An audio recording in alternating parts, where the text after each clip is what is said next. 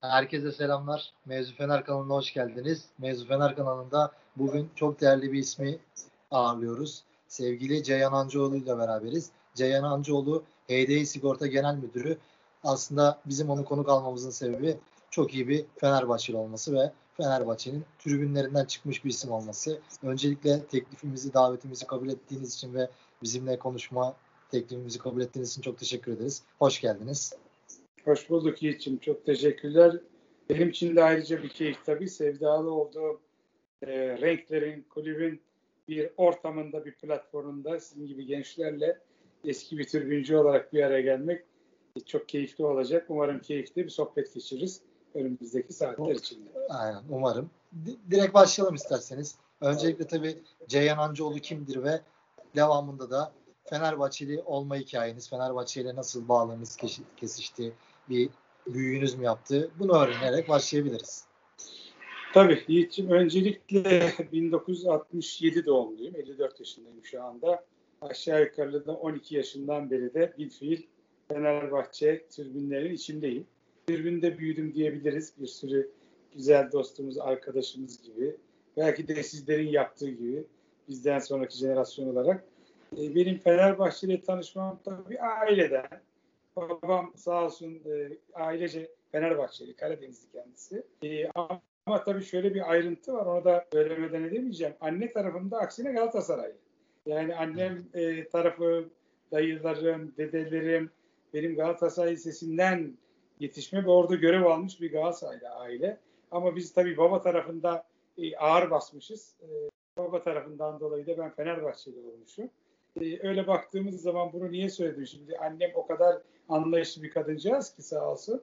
E, Galatasaraylı olmasına rağmen oğlunun hasta bir Fenerbahçeli olduğunu görünce tabii oğlu mutlu olsun diye Fener'in galibiyetleri için bile gece gündüz dua etmiştir. Galatasaray anne olarak. Dolayısıyla sağ olsun onda zaten yarı Fenerli yapmış olduk bu hayatımız boyunca. O yüzden hakikaten zaten sporundan e, keyfini çıkarmaya çalıştığımızda, birleştirici gücüne baktığımızda hasta Fenerbahçeli olsam da tabii diğer Türkiye'deki kocaman kocaman diğer güzide rakiplerimiz e, rakiplerimiz için de açıkçası tabii saygı duymak gerektiğini düşünüyorum ve saygı duyduğumu da söylüyorum. Bu örnekten yola çıkarak da zaten ailemizin bir kısmı başka renklere sevdalı olabilir. Yani sizler de yaşıyorsunuz. Bir evde iki kardeş oluyor, üç kardeş oluyor.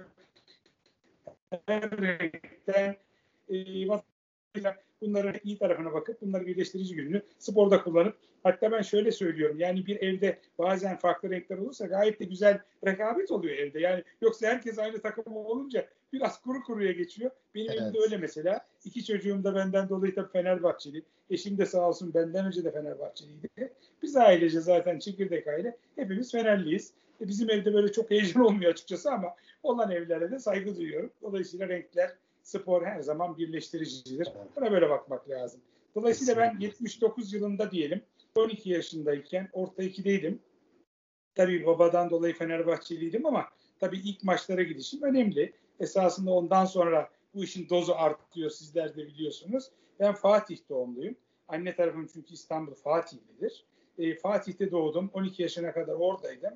Fenerbahçeliydim ama tabii ilk maçım kısmet benim Kadıköy'lü oluşumdan sonradır.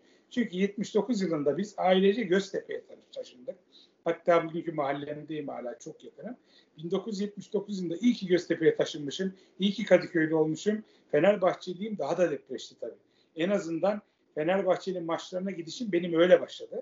Yani 12 yaşındayken 79 yılının Aralık ayında hiç unutmuyorum İnönü stadında o zaman stadımız açılmamıştı. Bir Fenerbahçe Bursa spor maçıyla Aralık ayıydı hatırlıyor yanlış hatırlamıyorsam. E, o zaman işte Müjdatların, Alpaslanların, Onurların olduğu bir dönemde, rahmetli Selçuk Yılan'ın olduğu bir dönemde ben Fenerbahçe'nin maçıyla tanıştım ve Bursa Spor'u 2-1 yenmiştik bugün. Hiç unutmuyorum İnönü Stadı'nda. Yani benim fiili Fenerbahçeliyim. Statlarda bu ambiyansı yaşıyor olmam, tribüncülüğün başlangıcı Aralık 1979'dur. Bu da Kadıköy'e Göztepe'ye taşındıktan sonra olması da manidardır diye düşünüyorum Yiğit'ciğim. Peki böyle bir başlangıçtan sonra yani biz konuştuğumuz isimler Volkan abi olsun, Adem abi olsun buradan kendilerine de selam yollayalım. Yani sizin çok iyi bir tribüncü olduğunuzu söylüyorlar. Yani peki geçmişteki Ceyhan Ancıoğlu ile günümüzdeki Ceyhan Ancıoğlu arasındaki farklar neler? Şimdi tabii Yiğit o kadar e, güzel ve duygusal bir soru soruyorsun ki ben şu anda geçmişi yaşıyorum seninle konuşurken. Bahsettiğin kardeşlerimiz Adem Köz, Volkanlar, Göksel özellikle hakikaten benim hayatımda önemlidir. Yani e, Göksel Ozanay kardeşimle biz ilk tribünlere çıktığımız zaman ki Göksel benden bir iki sene de eski olabilir. 79'da ilk tabii Kadıköylü olmam vesile oldu onlarla tanışmama.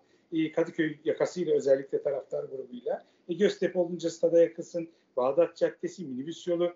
Bütün oradaki Fenerbahçeli e, fanatik arkadaşlarımla tanışma şansım oldu tabii. Böyle başlayınca tabii Göksellerle özellikle sonra da Adem kardeşlerimizle e, çok güzel anılarımız oldu. Onlarla beraber tabii biz daha da fanatik olduk. Yani hep beraber ortaokul dönemlerimizde hep birlikte büyüdük. Bugün baktığınızda bakın 42 yıl geçmiş üstünden. Tabii ki o benim fanatik çılgınlık dönemim 90'lı yılların ortasına kadardır. Yani 79'da diyelim ki 91-92 yıllar iş hayatına girişime kadardır. E, ama hakikaten müthiş bir biz tribün kültürü yaşadık. Orada büyüdük. O zamanki abilerimiz, şimdi e, hayatta olanlar tabii aklıma ilk gelenler Aram abimiz, Aram Markaroğlu mesela. Diğer taraftan rahmetli oldu bizim amigolarımız Arap, Beyoğlu'ndan Arap. Yeşilçam'ın ünlü figürü Arap vardı rahmetli. Amigo Yaşar abimiz. Açık Tribün'ün amigosu Kör Çetin derdik Çetin abimiz.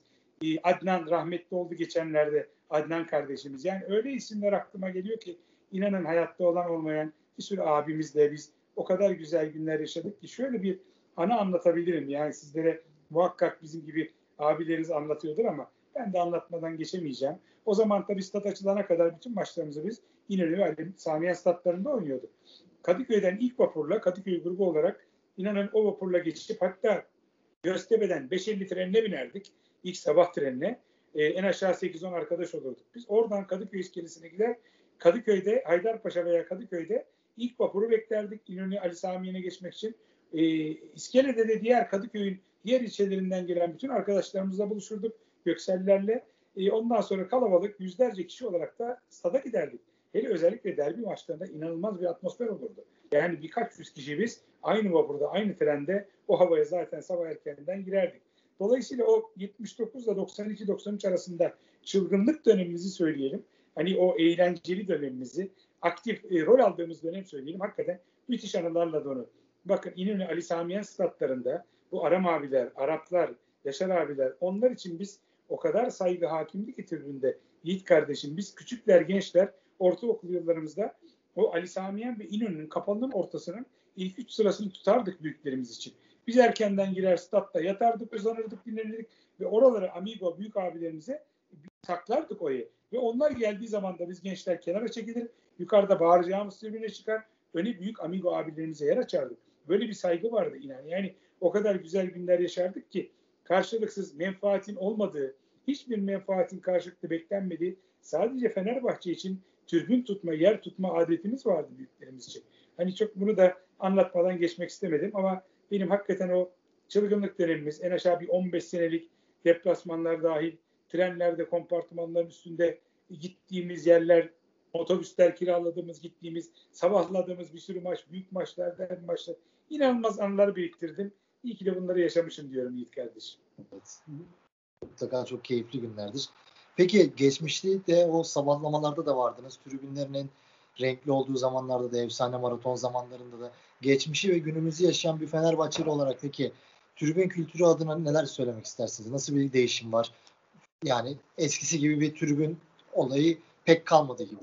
Vallahi Yiğit'ciğim tabii benim oğlum 21 yaşında. Tabii o da kızım gibi. Kızım daha da büyük. Hatta kızımın çok güzel tribün anıları vardı. Kızım şu anda 28 yaşında ama kızım e, o e, güzel yıllarda benle beraber hakikaten küçükken daha ben 5 yaşında onu götürmeye başladım.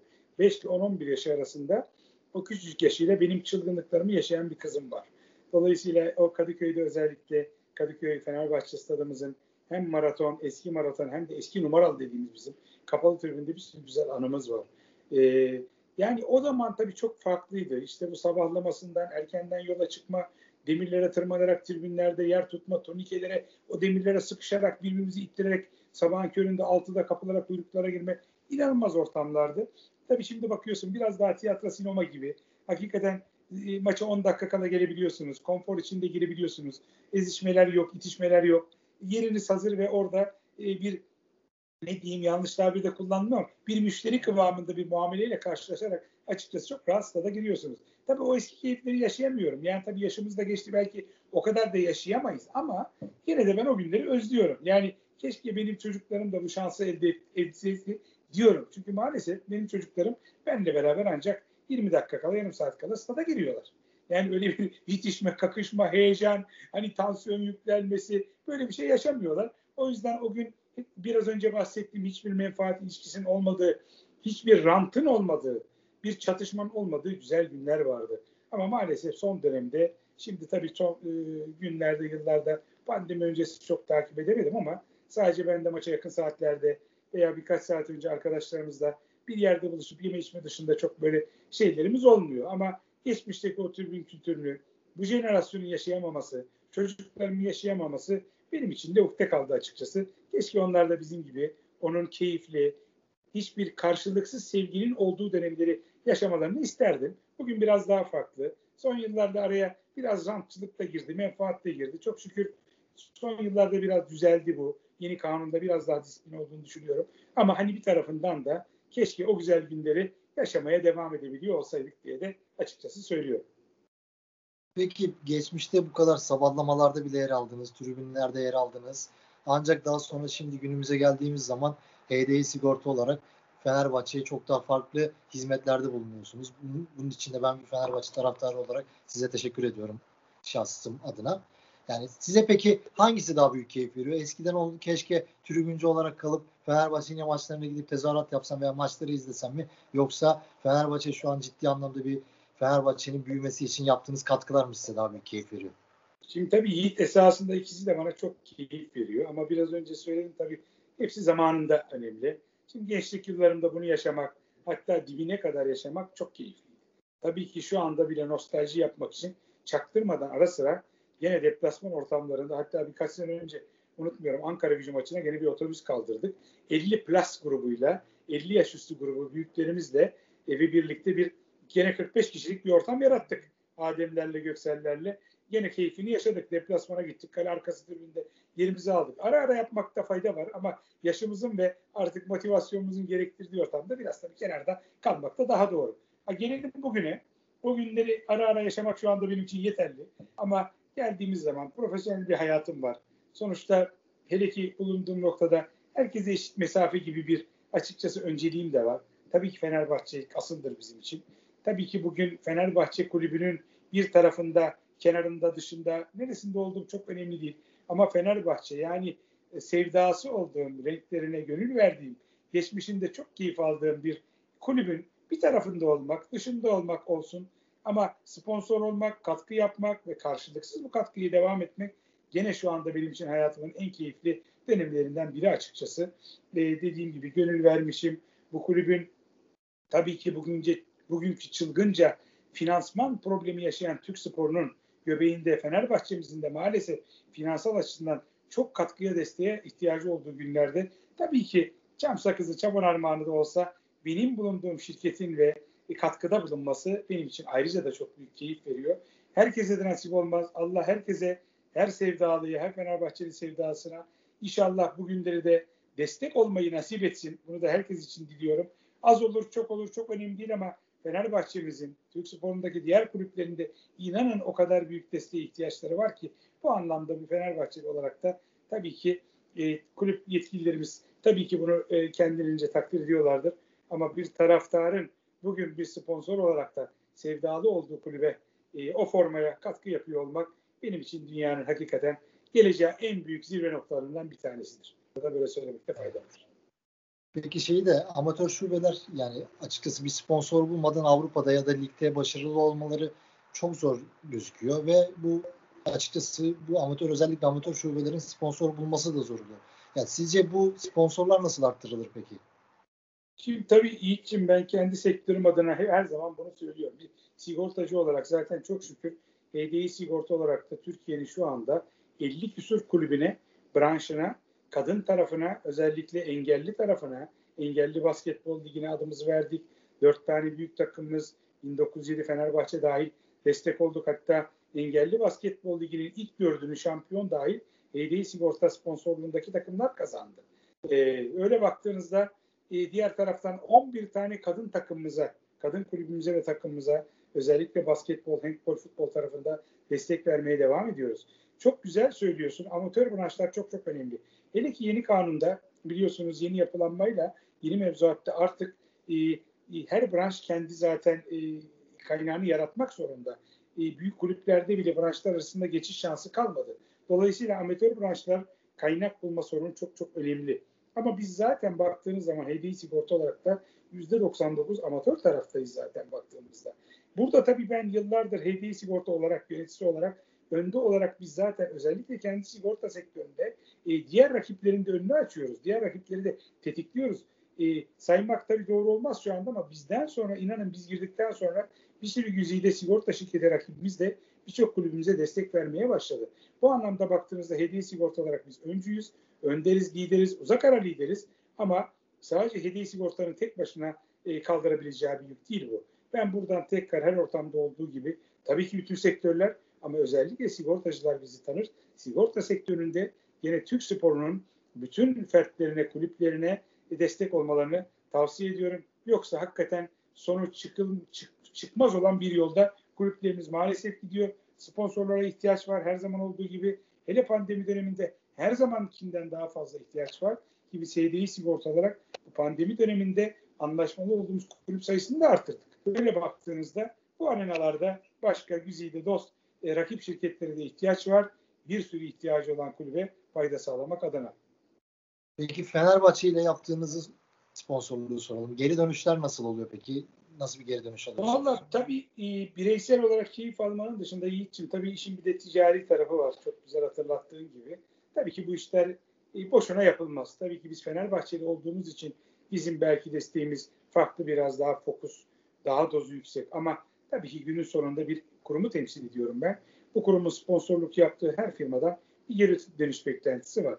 Ama Türkiye'de maalesef üzülerek söylüyorum sigortacılığın daha tabana yeteri kadar yayılmadığı, vatandaşlarımızın sigorta bilincinin yeteri kadar gelişmediği bir ortamda sigorta penetrasyonunun yeteri kadar sigorta ürünün yeteri kadar alınmadığı bir ülkede maalesef ticari tarafta business olarak, iş olarak karşılığını göremiyorsunuz. Yani bu şu demek.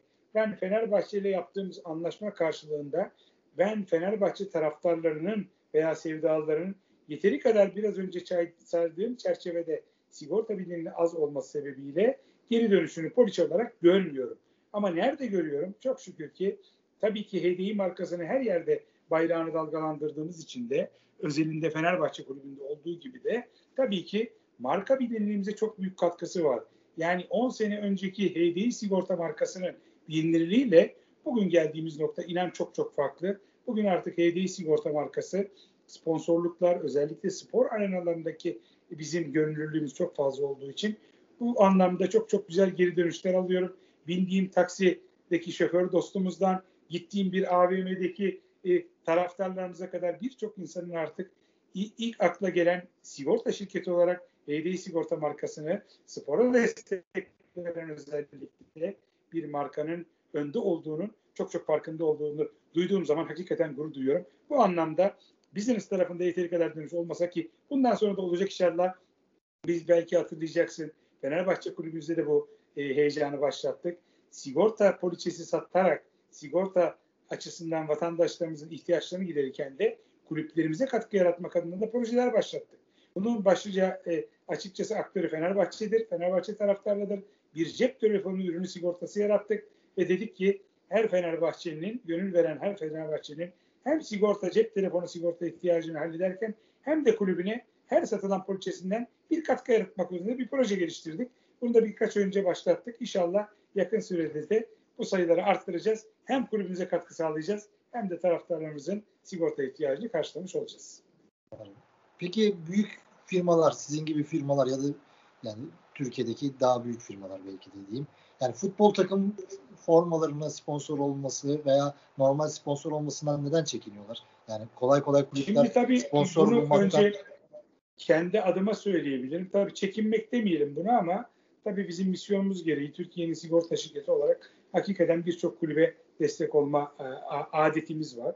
Bu yüzden tabii hani bir bütçenin tamamını bir kaynağa ayırmak şansı olmadığı için bugüne kadar bu yüzden de biraz daha mütevazi bütçelerle branşlara, mütevazi branşlara destek olmak, daha çok da biraz da amatör branşlara destek olmak adına açıkçası tercihimiz bu yönde oldu. Ama kendi şirketim özelinden söylersem tabii ki Fenerbahçe'nin futbol tarafına da destek olmak ancak nasıl olur? E, futbol markası açıkçası çok daha büyük ve güçlü bütçelerle yönetilme şansı olduğu için sponsorlar açısından biraz orada bütçeyi denkleştirmek lazım. Yani Fenerbahçe'nin diğer amatör branşlarından değil de belki tek başına futbola konsantre olmak gibi ihtiyaç var. Bugüne kadar biz bunu tercih etmedik. Öyle bir ortamda olmadı açıkçası ama tabii ki kocaman kocaman bütçelerle oralara gitmek, girmek mümkün olacaktır. Ama biraz bunun çok hani kısa cevabının bütçe ayarlaması ile ilgili olduğunu söyleyebilirim. Ama bunun yanında biz ne yapıyoruz? İşte kürek takımında varız. Ee, diğer taraftan amatör branşlarda erkek voleybol takımımızın isim sponsoruyuz aynı zamanda. Yine bir sürü yerde amatör ufak branşlarda, altyapıda mesela bizim futbol akademi tarafında yine hediye sigorta olarak göğüste biz varız. Tesislerimize ufak katkımız orada orada reklamlarımız var. Yani Fenerbahçe'nin bir sürü amatör mecrasında varız esasında. Ama hani futbol dediğin zaman dediğim gibi bunu sadece bütçe ayarlaması çerçevesinde bugüne kadar olmadığını söyleyebilirim. Ama inşallah ileriki yıllarda böyle fırsatları da hep beraber değerlendirebiliriz. Anladım. Peki burada kişisel merak ettiğim bir şey sormak istiyorum açıkçası. Fenerbahçe'nin mesela formasının arkasında bir Halley reklam var ve bu taraftarlar tarafından keşke olmasaydı deniliyor. O formanın arkası özellikle isim ve numara, for, numara yazdığımız zaman çok daha güzel gözüküyor. Böyle bir şey mümkün mü yoksa o sponsor onu oraya yazdırdığı zaman onun herhangi bir şekilde taraftarlara o olmadan satılması mümkün değil mi? Yani birebir ona bağlamıyorum açıkçası. Yani o markayla bağlantılı değil. Yani marka olmazsa forma satılmaz mı anlamında bir soru sordum. Yanlış da yorumlamıyorum ama yani markalar olmazsa forma satılmaz mı endişesinden yola çıkarak söyledim bunu. Yok daha çok işte taraftarların o çok eleştiri okuyorum de Twitter'da veya sosyal medyalarda. Yani ismini yazdırıyor. İsmin hemen üstünde bir halle yazısı yazıyor mesela.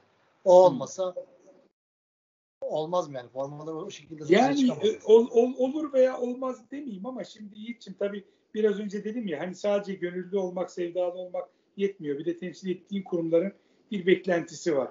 Dolayısıyla o marka sponsorluk alışverişinde bunları yapmak lazım ama tabii hani şu soru şuysa taraftarın daha hoşuna gidecek yerlerde dizayn edilecek şekilde gözünü rahatsız etmeyecek şekilde bir şeyler yapılır mı? Yapılabilir. İstediğimiz orada tabii taraftarımızı rahatsız etmek değil. Aksine güçlü markalarla, güçlü logolarla e, Fenerbahçe'mize fayda sağlayacak imkanlar yaratmak. Yani biraz taraftarımızın da orada anlayışını almak lazım. Esasında Fenerbahçe kulübümüze fayda sağlayan, destek olan bütün güzel, güçlü, kabul edilebilir markaların orada olmasından da hani gurur duymak ve mutlu olmak lazım. Ben hani bir sponsor olarak bunu cevaplayayım, taraftar olarak cevaplamış olmayayım. Çünkü taraftar olarak cevap verirsem biraz daha duygulu konuşmam lazım. Ama günün sonunda Fenerbahçe'mize katkı yapan, bir tuğla da koyan herkesi de e, evet. saygıyla selamlamak lazım, şapka çıkarmak lazım. Doğru. Hepsine teşekkür etmek lazım. Bu şart, Türkiye şartlarında en ufak bir sponsoruyla teşekkür etmek lazım.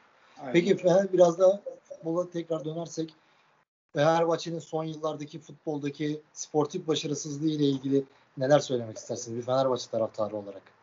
Şimdi tabii taraftar olarak başka sponsor olarak başka ama tabii sponsor olarak da en az taraftar olduğum kadar e, kulübümün e, başarılı olmasını isterim. Yani sonuçlar sportif başarı hakikaten çok önemli. Bizim de son dönemlerde Ali Başkanımız da her ortamda söylüyor.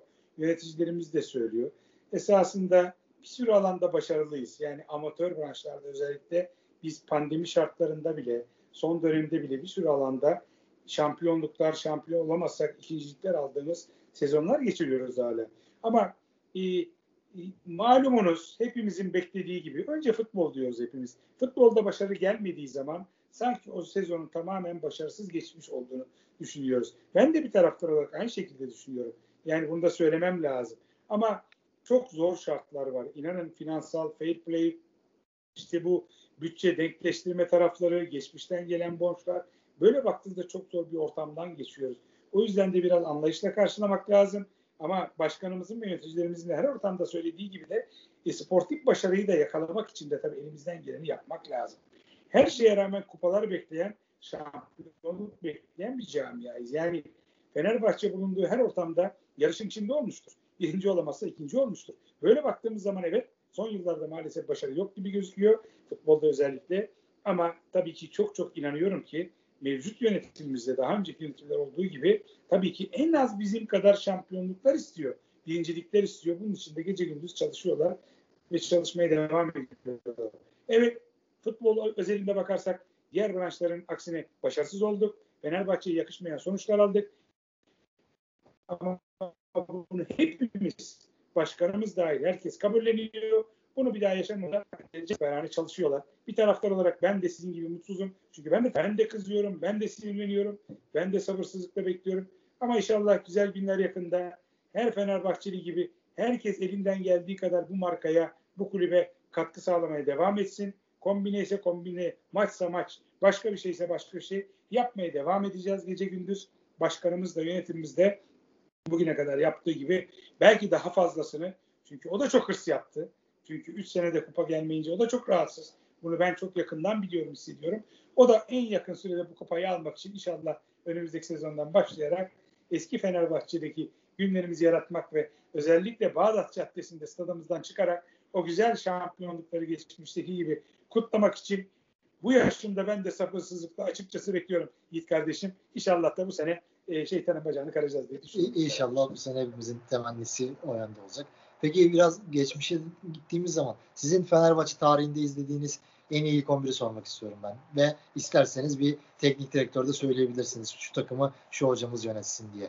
Valla tabii en iyi 11 demek belki haksızlık olur ama dönem olarak e, teknik direktör olarak düşündüğüm zaman da Veselinovic'in bende çok büyük izi var. Çünkü Veselinovic hakikaten bizim en güzel, en çok gol attığımız, en böyle heyecanlı, çok gol atıp maç kazandığımız dönemi bana hatırlatıyor. E, takım da kadro da çok iyiydi. Ama rahmetli Selçuklular. Yani o zaman işte Alpaslan Eratlılar, Cemil Turanlar, işte Onurların olduğu zamanlar hakikaten müthiş bir takımımız vardı. Yani e, inanın haksızlık yapmak istemiyorum. Futbolcularımızı çok çok seviyorum tabii. İşte Abdülkerimler, hani çok heyecanlı, Nezihler, Bahtiyarlar, bizim o çok hani çok heyecanlı geçmiş dönemimizde tabii ki çok önemli. Son dönemlerde Alex de Souza'nın olduğu dönemler bize çok keyif verdi. Olgun yaşlarımızda en azından. Ama Fenerbahçe'nin her yılı benim için güzeldir. Ama çok tabii üst üste şampiyonluklar kazandığımız 80'li yıllar çok önemli bizim için. En çok gol attığımız takımlar. Oğuzlar, Aykutlar, e, Turanlar, Bulgar Mehmetler. Müthiş takımlar çıktı. Yani onları hakikaten unutamıyorum. Ama her yıl her Fenerbahçe takımı benim için özeldir. Ama Veselinovic'in hakikaten bizde yeri önemlidir. Löw'ün geldiği dönemde çok heyecanlıydık. Çok kısa bir dönem oldu ama Rausch, Friedel, Rausch dönemi bizim için hakikaten önemlidir. E, Rausch'lu yıllar. E, yani ben ne diyeyim ki hepsi bizim için çok özel hakikaten. Ama e, çok önemsediğim ve çok özel e, anılarla hatırladığım bir Bordo maçı vardır. Fenerbahçe Bordo maçı. 85'li yıllar yanlış hatırlamıyorsam. Öncelikle rahmetli Selçuk Yılan'ın ve rahmetli Hüseyin'in gol atarak Şenol Çorlu'nun ilavesiyle 3-2 kazandığımız bir Fransa'da Bordo maçı vardır ki Bordo'nun yenmek çok önemlidir o yıllarda. Ve onun rövanşında İstanbul İnönü Stadı'nda 85 yılının Ekim ayıydı yanlış hatırlamıyorsam. Sabahladığımız bir maçtı. Ve o zaman sokağa çıkma yasağı vardı 5 saat 5'ten önce çıkamıyordunuz. İnönü Stadı'nda çarşamba günü biz e, Çamlık'ta sabahlamıştık yüzlerce arkadaşımla beraber ve 5'i bir geçe İnönü Stadı'nın kapalı tribün önünde binlerce Fenerbahçeli e, polisleri de şaşırtacak şekilde nereden çıktınız kardeşim sokağa çıkma yasayla dediği bir dönemde tabii ki Çamlık'ta sabahladığımızı söylemedik. Oradan 5 saat 5'te stadın önünde bekleşmeye devam ettik. Müthiş bir dönem, müthiş bir maçtı. İnanın hakikaten unutanmazlar arasında benim için keyif veren bir maçtı.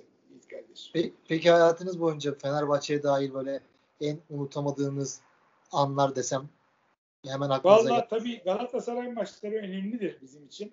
E, açıkçası benim gençliğimde de e, bir 4-3'lük maç vardır hiç unutamadığım. E, ve de bir 4-4'lük maç vardır Ali Sami Yen stadında. Hatta yanlış hatırlamıyorsam Ali Sami'nin kapalısındaydık biz.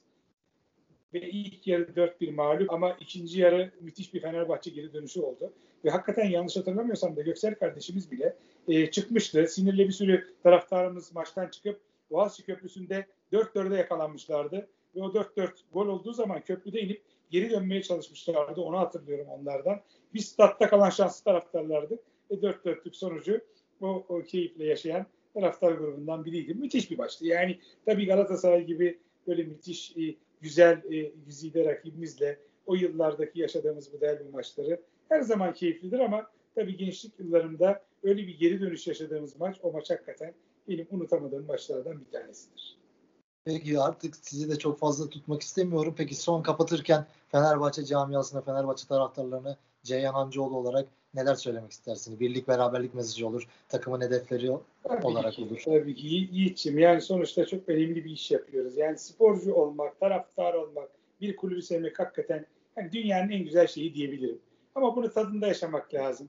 Ben de 20 yaşlarındaki Ceyhan değilim. Yani sonuçta şu anda artık 50 yaşları üstündeki bir grup olarak daha toleranslıyız, daha anlayışlıyız, daha hoşgörülüyüz. Tabii ki yani sporu kavgaya çevirmemek lazım. Sporun güzelliklerini yaşamak lazım. Biz o kadar ki o güzel e, anları hatırlıyorum. Tabii şimdi sabahlama ve e, tribün kapma gibi bir yarış kalmadı. O zamanlar bazen kavga edip tribün kapmak için kavga yarışı yapıyorduk ama inanın o kavgaların sonunda bile biz e, Beşiktaşlı Galatasaraylı arkadaşlarımızla kapalının ortasında tekrar sabahlamanın üstüne yorgunduk tabii. Uyurduk. Birbirimize akşam belki hafifçe zarar vermiş olabiliriz ama sabah tekrar oturup delikanlıca biz tribünlerde yan yana Galatasaraylı Beşiktaşlı kardeşlerimizle sohbet ederdik ve kendi yerimizde e, şarkılar söylerdik. Dolayısıyla amigoluk yapardık. Hani biraz sporun bu güzel keyfini de yaşadık. Bunu da yaşamak lazım. Bugün belki o ortamlar yok ama sporun hakikaten hoşgörü, birleştirici düşün, düşünmeden tabii ki maçlarda, sahalarda herkes kendi rengine sevdalı. Onu desteklemeye devam edecek. Şarkılarla, türkülerle hatta daha çok kim bağırırsa o üstün çıkacak. Yani işin burasını, keyfini yaşamak lazım. Ama bir Fenerbahçeli olarak da Fenerbahçe'nin en yakın sürede başarısından yanayım. İnşallah güzel günler yaşarız ama Fenerbahçe'nin etrafında birleşmeye, birlikte olmaya devam etmek lazım. Tabii ki gruplar olacak, e, platformlar olacak. Herkes kendi çabasıyla bir şeyler yapacak ama günün sonunda bugün her zaman olduğu gibi Fenerbahçe'nin resmi yönetimin etrafında toplanıp her sezon başı olduğu gibi keyifli sezonlar yaşamak için de bir araya gelmek lazım. Pandemiden kurtuluyoruz inşallah. En yakın sürede %50'lerle tribünlerdeki yerimizi alacağız. Çok özledik. Birlikte olmayı çok özledik. Gol atınca birbirimizi kucaklamayız. Çok özledik. Tabii ki tedbirleri bırakmadan mesafe, maske, temizlik kuralını unutmadan tabii ki tribünlerde yerimizi almaktan başka bir şey beklemiyorum. Ama her zaman olduğu gibi Fenerbahçe taraftarında sabırla tekrar sil baştan yapıp bu seneye de sıfırdan bir konsantrasyonla tekrar tribünlerde yerlerini almasını bekliyorum açıkçası. Her şey gönlümüzce olsun. İnşallah sarı lacivert başarılarla dolu bir yıl olsun Yiğit kardeşim. İnşallah. Ceyhan Bey çok teşekkür ederim. Mevzu Fener kanalına çıktığınız Ben, için. tek, tek, ben teşekkür ederim. Kusura bakmayın. Bu platformu da sizlerle şimdi tanıyorum. Daha çok da tanımak isterim açıkçası. Bu platformu, bu kanalı ve buradaki arkadaşlarıma da selam olsun. Hepsine çok sevgiler, selamlar. Çok teşekkür ederiz. Bizi izleyen herkese de Fenerbahçe taraftarlarına teşekkür ederiz. İlerleyen programlarda görüşmek üzere. Hoşçakalın. Sağ ol Yiğit kardeşim. Çok selamlar. Görüşürüz.